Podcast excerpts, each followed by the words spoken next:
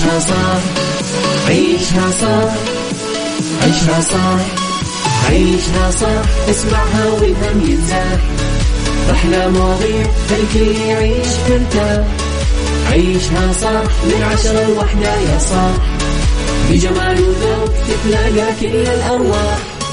فاشل واتيكيت يلا نعيشها صح بيوتي وديكور.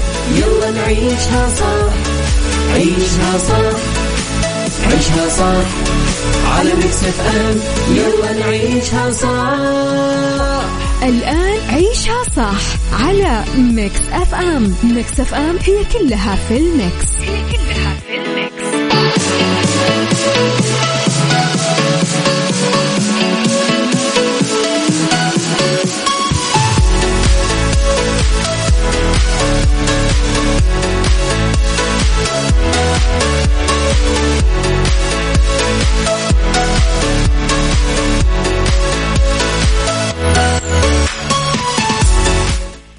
صباح الخير والورد والجمال والسعادة والرضا والمحبة والتوفيق والفلاح وكل شيء حلو. يشبهكم تحياتي لكم وين ما كنتم. صباحكم خير من وين ما كنتم تسمعوني أرحب فيكم. من وراء ال mic وال control أنا أميرة العباس. بيوم جديد وصباح جديد وحلقة جديدة ومعلومات جديدة. ساعتنا الأولى أخبار طريفة وغريبة من حول العالم. جديد الفن والفنانين آخر القرارات. اللي صدرت ساعتنا الثانية آه، قضية رأي عام وضيوف مختصين. ساعتنا الثالثة آه، طبعا مواضيع آه، مختلفة ومتنوعة. على تردداتنا بكل مناطق المملكة تسمعونا على رابط البث المباشر وعلى تطبيق Mix FM Android و iOS إحنا دايما موجودين. تقدرون ترسلوا لي رسائلكم الحلوة وتصبحون علي على الواتساب على صفر خمسة أربعة ثمانية, ثمانية واحد, واحد سبعة صفر صفر. آه قولوا لي كيف الأجواء عندكم يا جماعة؟ مرة أحس في تقلبات جوية صح ولا عيشها صح مع أميرة العباس على Mix FM. Mix FM هي كلها في ال mix.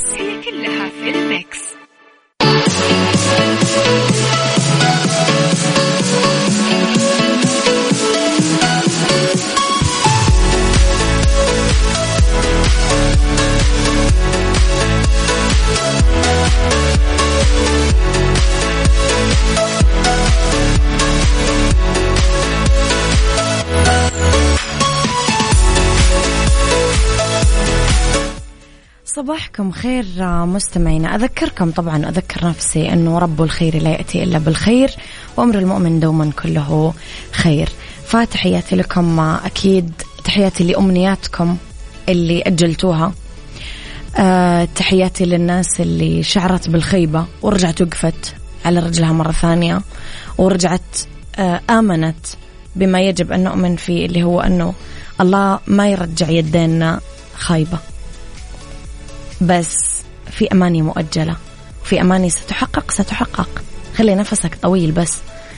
يعني خليك صبور وخلي صبرك باحتساب وخلي صبرك بإيمان تام أنه ما تريده سيتحقق. بس خلي بالك طويل. لخبرنا الأول أنا وياكم مستمعين. أعتمد معالي وزير الشؤون البلدية والقروية والإسكان الأستاذ ماجد بن عبد الله الحقيل.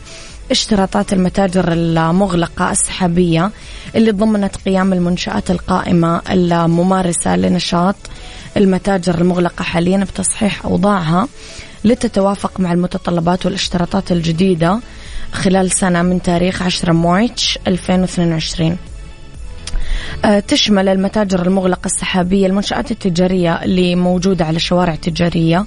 تعمل وفق سياسة الأبواب المغلقة بحيث آه، تسوق سلعها بالمواقع والتطبيقات التجارية الإلكترونية وتسلم السلع والبضائع لعملائها عن طريق وسيط سواء كانت تعمل بنشاط تجارة التجزئة أو محل الأغذية والمشروبات والمطاعم. بلغ عدد الأنشطة المسموح فيها 158 نشاط. تهدف هالخطوة إلى المحافظة على صحة وسلامة المستهلك إيجاد نماذج عمل حديثة تتواكب مع التجارة الإلكترونية إضافة لخلق فرص وظيفية جديدة للمواطنين.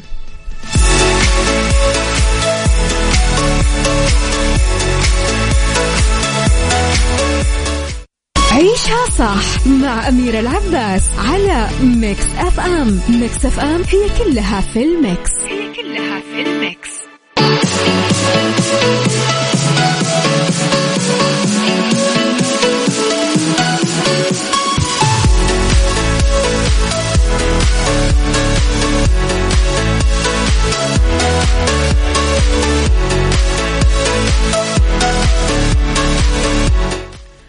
صباحكم خير آه، مستمعينا صباح عليكم آه، ورسائلكم الحلوة. آه، اكتبوا لي رسائلكم الحلوة على صفر خمسة أربعة ثمانية, ثمانية واحد, واحد سبعة صفر صفر. أبو عبد الملك يقول عود من حولك أن يستمعوا منك كلمات الحب مع التحية. هذا لا يخدش وقارك ولا يقلل من هيبتك. صباحكم جمال وحب إذاعة الحبيبة وأمير العباس والسادة المستمعين. صباحك خير يا أبو عبد الملك. كشفت واحدة من المنصات الرقمية عن برومو مسلسل ملف سري اللي تقرر عرضه برمضان الجاي. من خلال البرومو حدثت مواجهات ومواقف صعبة تتعرض لها آه، أكثر من شخصية من شخصيات العمل. أبرزهم الفنان هاني سلامة بطل العمل. فظهر والدماء تغطي قميصه. سيطر الأكشن على بعض مشاهد المسلسل في قيام مداهمة قوات الشرطة لقصر واحدة من الشخصيات. والقوات وهي تغادر المكان مستخدمة الزوارق. كشف منتج العمل ريمون مقار عن تفاصيل المسلسل إنه آه، أحداث المسلسل تدور آه، في عام 2013 عمل تشويق والإثارة في جزء كمان من الرومانسية. أضاف أن المسلسل يناقش كثير من القضايا من أجل إيصال هدف معين للجمهور أنه وضع البلد بالوقت الحالي أفضل بكثير عما كانت عليه خلال عام 2013 اللي صارت فيه كثير فوضى. خليني أقول لكم على أن للتمويل تحت إشراف البنك السعودي المركزي. تقدم لكم اليوم أحسن حلول تمويلية للأفراد والشركات الصغيرة والمتوسطة. غير كذا النايفات عندهم بطاقات فيزا بمرونة ولا أسهل.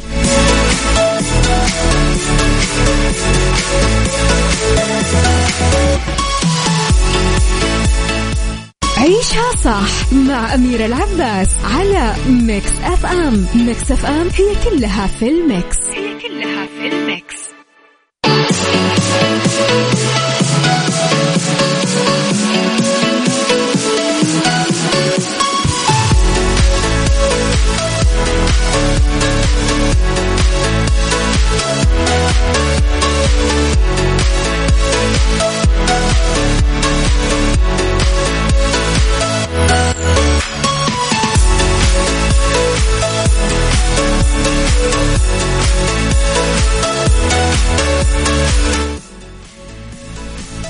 خبر صراحة يعني حلو ويفتح النفس.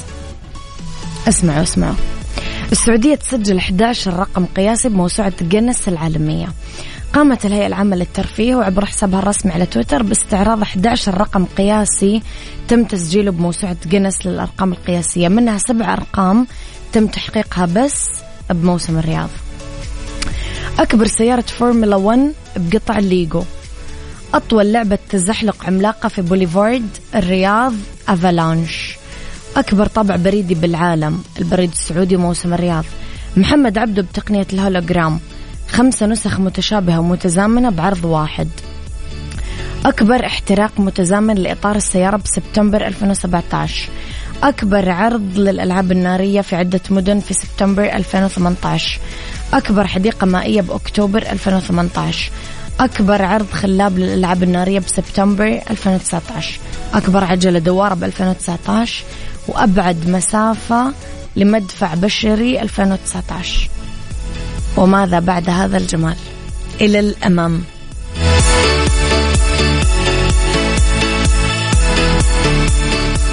عيشها صح. عيشها صح. عيشها صح.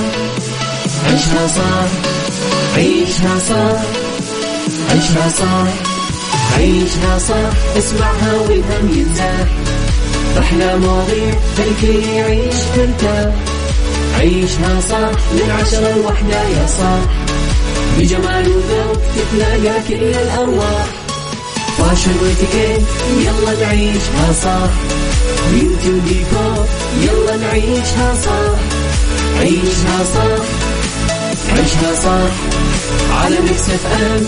يلا نعيشها صح. الآن عيشها صح على Mix FM. Mix FM هي كلها في ال mix. هي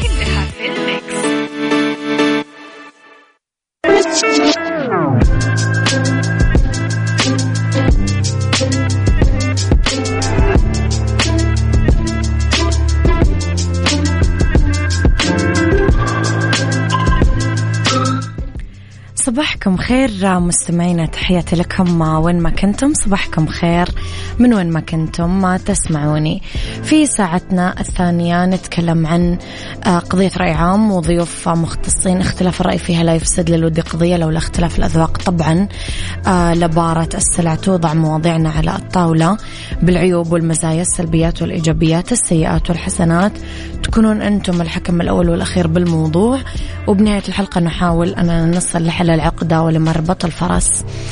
كلنا مو واحد فينا ولا بعضنا يشعر بتحولات أصابت جذر المفاهيم عصب السلوكيات المعتادة اللي كانت جزء حياتي وعادي بمعظم أيامنا وكل حياتنا. إحنا الذين يحلو لنا أن نوصف أنفسنا بأبناء الوقت المبارك فقدنا هذيك البركة. قاعدين ندور عليها نلف يمين نلف يسار مثل الطفل اللي تفاجأ بظله وصرخ وهو خايف. إحنا اليوم زي اللي تفاجأ بالعمر العادات الطيبة الأصحاب الأوفياء دفء العلاقات هذا كله. أو خلينا نقول الجزء الأكبر من هذه الحالة الرومانسية ذهبت إلى غير رجعة. ما عادت تشبه يوميات حياتنا اليوم. اليوم الكل يركض وراء أهداف كثيرة بينما الهدف الأساسي موجود ومنسي بعمق الوحدة. الهدف الأول اليوم الجدير أنك تركض له هو نفسك. إيش أهدافك في الحياة؟ هل تخجل لما تذكرها للآخرين ولا لا؟ قولوا لي رأيكم على صفر خمسة أربعة ثمانية, ثمانية واحد, واحد سبعة صفر صفر. عيشها صح مع أميرة العباس على ميكس أف أم. ميكس أف أم هي كلها في ال mix. هي كلها في الميكس.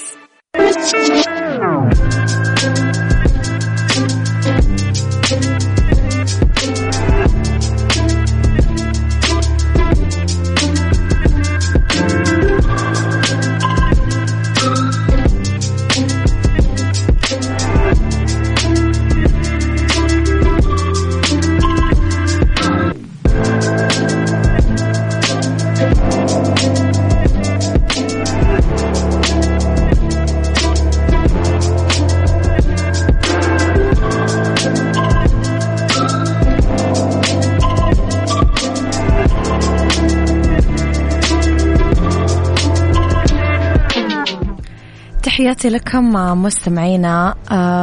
رسائلكم كثيرة لكن خليني أقول لكم اليوم إحنا بعمق الوهم عمق الاعتقادات المغلوطة حضور الوهم بأوسع تجلياته قاعدين نعيشه وأكثرها نجاحا وسطوة وأكبر الأوهام هو اعتقادنا أننا أكثر تواصلا مع العالم. بينما في الحقيقة ما حد قاعد يرفع سماعة الجوال على الثاني عشان يقول له مرحبا عشان تستمتع ببهجة التحية. أحد أكبر أوهام المثقف مثلا اعتقاده أنه الناس ما يشترون كتب اليوم ولا يقرون لأنه الكتب غالية. هذا واحد من أكبر الأوهام. والحقيقة أنه الناس ما تقرأ بمعزل كامل عن ندرة أو غلاء الكتب. ما يعني يقرون يمكن لأنهم مشغولين بأمور أخرى. مثلا ساقطين في الملل مشغولين بالجوالات وال social media متابعين آخر منتجات المطاعم وبيوت الأزياء وغيره وغيره من الأشياء. أرجع أسألك نفس السؤال. اليوم إيش هي أهدافك بالحياة؟ طب هل تستحي أو تخجل لما تحكيها للناس ولا لا؟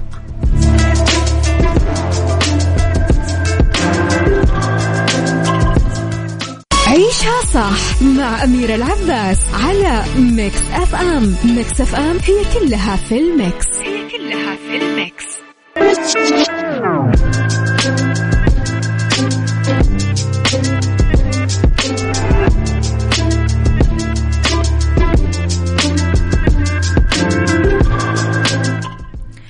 يمكن واحد من أكبر أوهامنا مستمعينا أننا نراكم أجندات جميلة لأحلام ومشاريع بانتظار الانتهاء من الوظيفة ولما يكبر الأولاد ولما يتخرجون ويصير الزواج متسق مع تطلعات زوجته أو قريب من حافة الفهم. ف يعني ما أعرف بفهم مطالبها الرومانسية يمكن؟ خلينا نقول لأنفسنا أنه بكرة راح ينتهي كل هذا الانشغال. وراح نتفرغ للأحلام المؤجلة. بعدين يمر العمر نكبر يمرض الزوج يفقد الرغبة بالسفر مع زوجته تفقد الزوجة كمان اهتمامها بالسفر للأماكن الرومانسية. أه تفضل التلفزيون وفحوصات المستشفى. خسارة وين راحت يا ترى أحلامنا المؤجلة؟ واحد من أكبر أهواء أوهامنا تصديقنا أنه إحنا نقدر نأجل أحلامنا وندخر الوقت كادخار الأموال. غيث يقول صباح النور والخير. أهدافي هي التخرج من الجامعة. يكون لي سمعة طيبة في المستقبل. إذا توفقت وتزوجت أني أكون زوج وأب صالح. يا رب وحط جنبها أنك تنجح مهنيا بإذن الله تعالى يا رب.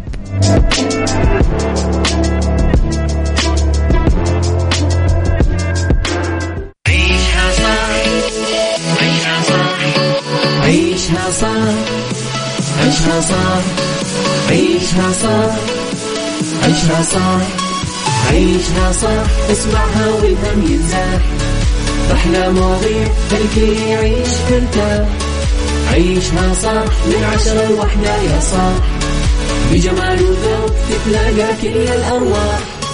فاشل واتيكيت يلا نعيشها صح beauty وديكور يلا نعيشها صح عيشها صح عيشها صح على Mix FM. يلا نعيشها صح. الآن عيشها صح على Mix FM. Mix FM هي كلها في ال mix. هي كلها في ال mix.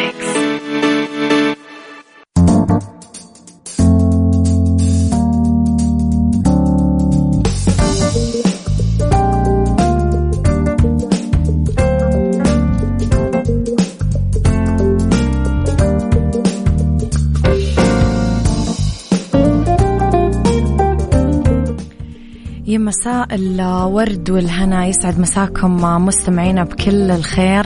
أرحب فيكم من طبعا إذاعتنا Mix FM في ساعتنا الثالثة أولى ساعات المساء آخر ساعات عيشها صح. ندردش فيها أنا وياكم اليوم عن مواضيع مختلفة. راح ندردش عن بالدنيا صحتك راح ندردش في إتيكيت عن قواعد متبعة في إتيكيت حمل حقيبة اليد. وفي Mix Hacks عن استخدامات منزلية غير معهودة للشامبو. خليكم على السماعة لا تنسون دايما تمسون علي وترسلوا لي رسائلكم الحلوة على صفر خمسة أربعة ثمانية, ثمانية واحد, واحد سبعة صفر صفر. يلا.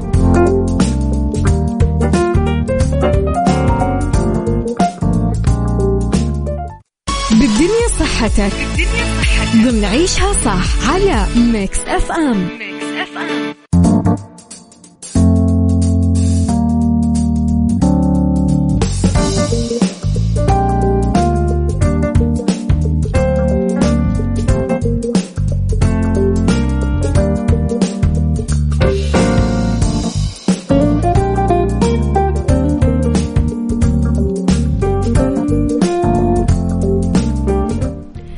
يا مساء الخير والسعادة والرضا والعافية. تحياتي لكم مستمعينا وين ما كنتم. مساكم خير من وين ما كنتم تسمعوني. أرحب فيكم.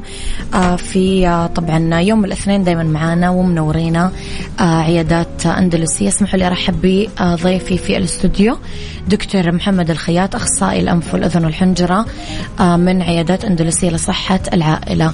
تحديدا كلامنا اليوم عن التدخلات الجراحية الخاصة بالأنف والأذن. يسعد مساك دكتور. أهلا بيك. نرحب فيك في استديوهاتنا.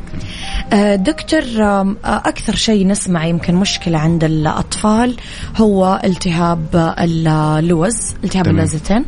ما معنى التهاب اللوز المتكرر؟ دكتور خلينا نعرفه. إيه، التهاب اللوز المتكرر عامة مش إيه، عايزين نفرق ما بين حاجتين كبار نعم. نوضحهم للناس.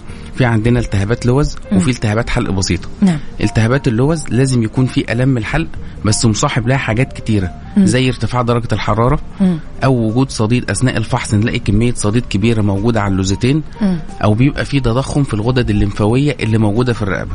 ده يفرقنا عن التهابات الحلق البسيطة والتهابات اللوز. التهابات اللوز لازم يكون معاه حاجة من الثلاثه دول عشان نقول دي التهابات لوز مش التهابات حلق بسيطة اللي بتيجي مع أدوار البرد الكتيرة اللي بنشوفها باستمرار. عشان على اساسه نقرر هياخد مضاد حيوي ولا لأ أو العيان ده هنحتاج له عملية قدام ولا لأ. جات موضة يا دكتور أذكر وأنا طلبة مدرسة كان في موضة تقويم الأسنان. وموضة شيل اللوز في آه. ناس كانت آه، بتعمل هذا الموضوع موضة. يعني بتروح تطلب من الدكتور أنه شيل لي آه، اللوز. وفي هذيك الفترة يمكن كانوا الدكاترة كثير بي بي بيعملوا هذه العملية. لو نتكلم دكتور طبيا أصلا يعني إيش دواعي استئصال اللوز في الأطفال؟ خلينا نتفق أنه ربنا ما بيخلق حاجة في جسمنا اعتباطا. يعني ما في حاجة أكيد. ما لها دور في الجسم. فإيش الدواعي الطبية لاستئصال اللوز تحديدا عند استئصال الاطفال اللوز عامة يعني نتكلم في حاجتين كبار. نعم. السبب الأول اللي إحنا لسه متكلمين عنه دلوقتي اللي هي التهابات اللوز المتكررة. إحنا آه. حددنا الشروط اللي بيحصل فيها التهابات لوز عشان كده. عشان ما نعملش عملية لحاجة ممكن ما يكونش محتاجة لازم يكون لها الشروط دي في حرارة عالية أو في صديد أو حاجة زي كده. لو لقيناها بتتكرر وتابعنا الكلام ده وتأكد في الملف بتاع المريض اللي بيحصل كتير يبقى ده أول سبب وأشهر سبب بنعمل علشانه استئصال اللوز وخاصة في الأطفال مم. الكبار طبعا بيحصل معاهم بس بنسبة أقل شوية. السبب التاني برضه يمكن الناس ما عندهاش خلفية عنه إن يحصل تضخم في اللوز بشكل واضح حتى لو ما حصلش آه. فيها التهابات خالص ده بيؤدي لصعوبة في التنفس أثناء النوم. مم. بيحصل في الأطفال الطفل بيجي يبقى فيش خير بالليل أثناء النوم وأحيانا في الكبار. ده بيكون داعي أهم يمكن أكتر كمان بالنسبة لنا اللي إحنا نشيل اللوز في الأطفال اللي عندهم تضخم حتى لو ما فيهاش التهابات في أسباب تانية بس بعيدة شوية ما بنشوفهاش كتير. في, في بعض يعني ربنا يعافي الجميع اورام بالعوم والكلام ده أحيانا بنضطر نشيل اللوز بيبقى. جزء من عملية أكبر منها يعني. طب دكتور لو سألنا سؤال شوية أدق هي أصلا إيش وظيفة اللوز في جسم الإنسان؟ في ناس كانت بتقول في هذيك الأيام إنه أصلا اللوز ما لها داعي فأنا حشيلها. أصلا كذا كذا ماني مستفيد منها. لا هو اتفضل. هو اللوز أيوة. جزء من ال... يعني جزء من من دايرة أكبر. اسمه نسيج لمفاوي موجود في البلعوم. مم. ده يمثل وسيلة الدفاع الأولانية بالنسبة للجسم. مم. بيبقى فيه نسيج وخلايا معينة. أول ما يحصل التهاب بيبدأ هو كرد فعل يحمي الجسم أو يحمي الجهاز التنفسي بعد كده. فهي لما يحصل التهابات كتيرة بتتكرر يبقى الضرر بقى ينتج أكتر من النفع اللي موجود. فالوقت ده إحنا مفيش مشكلة بالنسبة لنا نشيل اللوز. ده يكون أفضل يحمي العيان أكتر يعني. نعم. طب صح ولا خطأ يا دكتور؟ بيقولوا إنه المناعة تقل. لما تنشال اللوز. هذه معلومة صحيحة ولا مغلوطة؟ لا إحنا ربنا خلق لنا جوه الجسم حاجات كتيرة جدا. المناعة. آه طبعا. بتدافع عن المناعة. فده جزء أولي منها لكن ربنا خلق لنا على جميع مستويات الجسم حاجات كتيرة جدا. ممكن لو إحنا شلنا اللوز لأن الضرر بتاعها بقى أكتر كتير. مفيش مشكلة خالص في حاجات دورها. ربنا خلقها لنا تحافظ على المناعة بصورة واضحة جدا يعني. نعم يا دكتور أنا وياك رح نطلع break ونرجع نكمل حوارنا مرة أخرى. شكرا.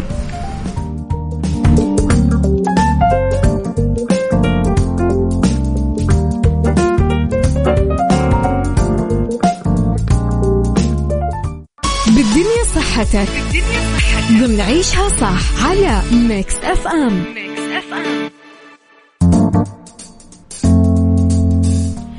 تحياتي لكم مرة كمان. آه، دكتور راح نتكلم عن ارتشاح خلف طبلة الأذن. لو. تعرف لنا الموضوع هذا دكتور. هو ابتداء الأذن بتاعنا بتتكون من ثلاث أجزاء اللي إحنا نعرفهم. نعم. الأذن الخارجية الأذن الوسطى والأذن الداخلية. نعم. ارتشاح خلف ضبلة الأذن اللي هو تكون سوائل جوه الأذن الوسطى. ده بيحصل غالبا بعد أدوار البرد وبيحصل بصورة واضحة في الأطفال. نعم. الأذن الوسطى يبقى جواها سوائل تأثر بشكل واضح ما يبقى نقل الصوت من الأذن الخارجية للأذن الداخلية صعب شوية. فالعيان ده بيجي يشتكي غالبا بشكل واضح إنه ما بيسمعش بشكل واضح أو الأطفال بيحسوا بألم ما يقدرش ما ما ياخدش باله من فقدان السمع دوت وخاصة إنه بيبقى طفيف فبيشتكي من ألم بشكل واضح. فأنا أول ما أحس إنه في مشكلة عند الطفل في إذنه الصح إني على طول أوديه دكتور هو حيقدر يشخص لأن الأطفال دكتور أحيانا ما بيعرفوا يوصلوا لك هم إيش حاسين طبعا بالضبط. طبعا الأطفال بالذات ال- ال- الحاجة الوحيدة اللي أي حاجة بيفسرها على أساس ألم أو أو متضايق أيوه. ولكن إيه المشكلة اللي عنده بالظبط إيه اللي اتسمع والكلام ده ممكن ما ياخدش باله منه أصلا بشكل واضح. حيدخل فيها موضوع التوازن يا دكتور ولا هذا موضوع تاني؟ التوازن أحيانا التهابات الارتشاح خلف طبلة الأذن أحيانا بيجي معاه اختلاف في التوازن. آه. وبيجي في الأطفال بس ممكن ما يبقاش ملحوظ. لكن التوازن بش- بشكل واضح ده بيبقى مش مرتبط أكتر بارتشاح خرف طبلة الأذن. متعب يا دكتور والله. إحنا الكبار بيهد حيلنا. كيف الأطفال؟ حرام. أحس مرة يعني شديد عليهم بيكون. طبعا بيجي بس هو بيشتكي اللي هو يعني بيمسك في في مامته أو حاجة زي كده بس لكن ما بيشتكيش بشكل واضح من التوازن اللي الكبار بيحسوا بيه. إيش يوجولي دكتور العلاج اللي بيتبع؟ ارتشاح خرف طبلة الأذن غالبا لو العين الطفل ده عنده حساسية أو لسه جاي له دور برد قريب أو دور إنفلونزا بشكل واضح بنبدأ نعالج الحاجة اللي ظاهرة قدامنا بشكل الأول. لو الطفل ده فضل استمر عنده ارتشاح خرف طبلة الأذن لفترة طويلة إحنا هي متحددة غالبا بثلاث شهور نعم. ومصاحب له فقدان للسمع بنقدر نعرفه عن طريق اختبارات السمع. نعم. الطفل ده ساعتها بنحتاج له تدخل جراحي عن طريق حاجة اسمها انبوب التهويه نعم. انبوب التهويه دي بتتركب حاجة بسيطة جدا بتبقى سيليكون غالبا بتتركب في طبلة الأذن بتقعد فترة حوالي من من ست شهور لتسع شهور عما يكون تم التخلص نهائيا من الارتشاح خلف طبلة الأذن وهي بتقع لوحدها من غير أي حاجة وبيحصل التئام طبيعي تلقائي لطبلة الأذن بعدها. يعني علاج جراحي بسيط دكتور عشان الأمهات ما يخافوا؟ لا علاج بسيط خالص والعملية يعني غالبا بتاخد من 10 دقائق ل 15 دقيقة مش أكتر من كده يعني. إحنا مكملين يا دكتور عندنا كمان آه، موضوعين جدا مهمة إن شاء الله راح نقولها بعد الأذان. إن شاء الله. نكمل حوارنا مرة أخرى. إن شاء الله.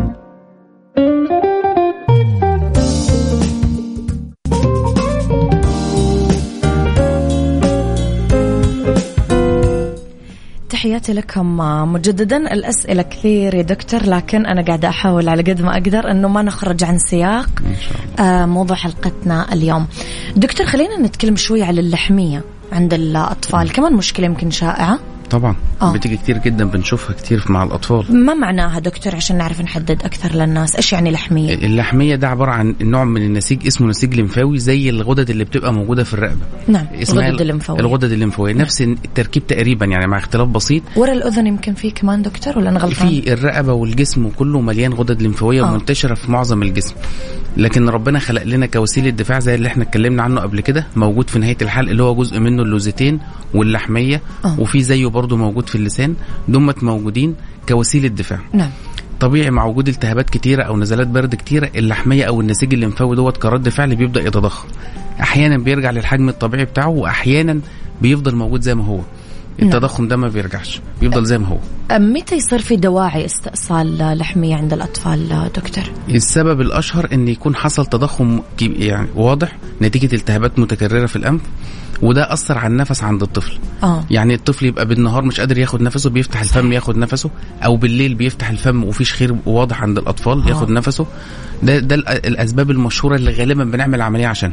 ساعات اللحمية المتضخمة دي أحيانا بتسبب التهابات متكررة في الجيوب الأنفية. الطفل يجي له التهابات إفرازات لونها متغير من الانف لفترات طويلة بيخفش بالعلاج بشكل واضح لما نعمل أشعة نلاقي إن اللحمية هي السبب اللي مخليها فيه التهابات مزمنة في الجيوب الأنفية دول أشهر سببين بنعمل غالبا عشانهم نشيل اللحمية اللحمية المزمنة دي كبرت وما نقدرش نشيلها نضطر نشيلها قصدي. يعني دكتور واحد من الأسئلة يعني اللحمية موجودة في عند كل كل موجودة الناس عند كل الناس، ولكن كل ناس الأطفال. عندها مشاكل وناس ما عندها مشاكل بتختفي طبيعيا عند سن من 9 ل 11 آه. لكن الطفل ده بيبقى عنده اللحمية تضخمت أو حجمها زاد عن الطبيعي اللي هو يأثر على النفس أو يعمل التهابات. لكن هي موجودة من من 9 ل 11 بتختفي تماما بقى خلاص ما بنشوفهاش بعد كده يعني. نعم. طيب دكتور أبغى أتكلم شوية على ليش بيكون في التهابات مزمنة بالأنف والجيوب الأنفية عامة؟ ال- الالتهابات المزمنة في الأنف والجيوب الأنفية لو نتكلم معناها إيه الأول؟ نوضحه نعم. بشكل أوضح. يعني العين بيشتكي من مجموعة من الأعراض مم. أشهرهم انسداد الأنف المستمر مم. أو وجود إفرازات كتيرة في في الحلق العيان يحس بيها. أو أحيانا يحصل صداع أو يكون حاسة الشم عنده اتأثرت. حالات عطاس دكتور يمكن عطاس بيجي مع فعلا عطاس ورشح كتير بيجي مع الحساسية والتهابات الجيوب الأنفية الاثنين مع بعض. آه. هو في فرق ما بينهم بس غالبا إحنا بنقولهم كأنهم حاجة واحدة يعني. آه. تمام ده بيحصل غالبا. لو حصل التهابات في الجيوب الأنفية بيحصل نتيجة وجود حاجات جوه جوه الأنف نفسها. زي إعوجاج في الحاجز الأنفي مثلا يكون ده سبب من أسباب وجود التهابات في الجيوب الأنفية. عيان عنده حساسية زيادة قوي بياخد علاج برضه ما بيتحسنش فأدى لوجود التهابات مزمنة في الجيوب الأنفية. في بعض الناس عندهم أمراض مزمنة منها الأمراض المناعية بس دي حالات قليلة بيحصل معاهم التهابات في الجيوب الأنفية. لكن المشهور سواء اعوجاج في الحاجز الأنفي أو الحساسية المزمنة دمت غالبا اللي بيؤدي وجود التهابات مزمنة في الجيوب الأنفية. أحد الأسئلة دكتور آه، كيف نشخص الناس اللي مثلا لو نتفة غبار عدت عليهم ولا ريحة برفيوم معين ولا بخور ولا أي حاجة. كيف أحدد أنا عندي حساسية موسمية ولا أنا عندي حساسية مزمنة عندي مشكلة ولا أنا اللي بحس فيه مثلا طبيعي مع تغير الفصول؟ أه، كيف أقدر أحدد مشكلتي بالضبط؟ هو العين اللي عنده حساسية مبدئيا بيبقى رد فعل زيادة للجسم يعني آه. الطبيعي يعني لو هيعطس هيعطس مرة مثلا أو في رش حاجة بسيطة لكن اللي عنده حساسية هستيريا عطاس كتير ورا بعضه. صحيح. أربع خمس مرات ست مرات أول ما يصحى من النوم. وإيه و- وانسداد في الأنف وملاحظ وحكة في الأنف بشكل واضح. صحيح. نقدر نفرق هي موسمية أو دائمة على حسب الفترة اللي بيشتكي فيها. مم. يعني اللي عنده حساسية دائمة هو طول السنة بيشتكي. ما بي مؤقتة مش مؤقت. اللي عنده حساسية موسمية هو عارف نفسه. أول ما يبدأ مثلا فصل الربيع أو الشتاء هو يبدأ الأعراض تبان عنده بشكل واضح. هيلاحظ. أو شهرين ثلاثة في السنة والأمور بتتغير تاني. لكن التاني اللي هو الدائم طول السنة بيشتكي. لو ما خدش علاج طبعا هيفضل الشكوى عنده مستمره على طول. ما بتتحسنش. يعني دكتور غير طبيعي إنه آه، أي رائحة نفاثة تحسسني. هو ممكن تحصل بس ما تحصلش بالصورة المبالغ فيها زي العين اللي عنده حساسية. آه. تحصل مرة أو اتنين والطبيعي إحنا مش هنتعرض لل- للروائح الشديدة معظم الوقت. لكن آه. آه. العين اللي عنده حساسية سواء كانت روائح زيادة أو حاجات عادية حتى أو شوية آه، يعني غبار أو حاجة بسيطة بيبدأ يتأثر آه. آه. هو بيبقى شك في نفسه غالبا اللي عنده حساسية بيبقى جاي يتأكد بشكل واضح آه هل دي حساسية ولا حاجة تانية متى دكتور يصير في تدخل جراحي بحالات الجيوب الأنفية متى الموضوع يستدعي تدخل جراحي؟ التدخل الجراحي إحنا يعني إحنا عندنا خطين علاجيين كبار في بالنسبة للجيوب الأنفية. مم. الخط الأول الخط ال- ال- الدوائي اللي إحنا بنحاول ندي العام بخاخات أو محاليل ملح بشكل واضح ونتابع العام فترة مثلا من شهر لاثنين أو أحيانا نوصل لثلاث شهور لو ما حصلش تحسن على مستوى الأعراض وخاصة انسداد الأنف يبقى العيان ده بنسبة كبيرة محتاج تدخل جراحي. ده بيبقى حصل تضخم للاغشيه المخاطية اللي جوه الأنف بشكل واضح وغالبا العلاج مش هيجيب نتيجة معاه. في الوقت ده بنستأصل جزء من القرنيات اللي موجودة في الأنف أو بنعمل تنظيف للجيوب الأنفية أو نعمل استعداد للحاجز الأنفي اللي هو كان سبب أصلا في وجود التهابات في الجيوب الأنفية من الأول. ده ده غالب اللي بيحصل على أساس المتابعة وشكله والفحص بالمنظار بتاعه. نقدر نقول غالبا ده هيحتاج عملية أو يقدر نكمل معاه بالعلاج العادي. من واقع متابعتك للحالات دكتور ليش الناس جدا تخاف لما نقول إنه في تدخل جراحي حيصير جوا الأنف؟ مع إنه يمكن حضرتك بتشرح الموضوع بشكل بسيط جدا يعني. هو ال ال ال ال الخوف الأكبر عند معظم الناس إن هو أو ال ال ال ال الخطأ الشائع إن العيان بيعمل عملية وبيحصل الأعراض ترجع. تاني أو مضاعفات. ال- اولا هو العملية الفترة اللي إحنا فيها بتتعمل كاملة بالمنظار ما عادش فيه تدخل جراحي في الأنف مفيش حاجة بتجم- بتبان من بره خالص. سلام. كل ده عن طريق المنظار من فتحة الأنف ده رقم واحد. رقم اتنين العيان بيحتاج متابعة كويسة بعد العملية للأسف بعض الناس ما بتتابعش بعد العملية بشكل واضح أحيانا بيجي لها حساسية زيادة شوية مم. بيحتاج ياخد علاج فترة تاني بعد العملية عشان نحافظ على المستوى اللي إحنا عملناه جوه العملية. بس في بعض الناس بتتابع شهر أو اتنين وبعد كده خلاص بيزهق مثلا ما بيكملش متابعة. فده اللي بيخلي المضاعفات تبدأ تبان أو النتيجة ما تبانش بالشكل الواضح اللي هو كان يتمناه يعني. دكتور يعطيك العافية الله يخليك. آه، شكراً. سعدت بالحلقة صراحة سعدت بحضرتك أكتر. عافية نورتنا اليوم الله. هذا شكراً. ثاني لقاء وإن شاء الله عقبال المليون إن شاء إحنا الله وياك إن شاء الله. بإذن الله إذا الدكتور محمد الخياط أخصائي أنف وأذن وحنجرة آه، من عيادات أندلسية لصحة العائلة تحديدا كان موضوعنا اليوم عن التدخلات الجراحية الخاصة بالأنف والأذن تقدرون ترجعون تسمعون الحلقة في ال website آه، على آه، طبعا وتطبيقات Mix FM Android و iOS تحياتي لكم شكرا دكتور شكرا.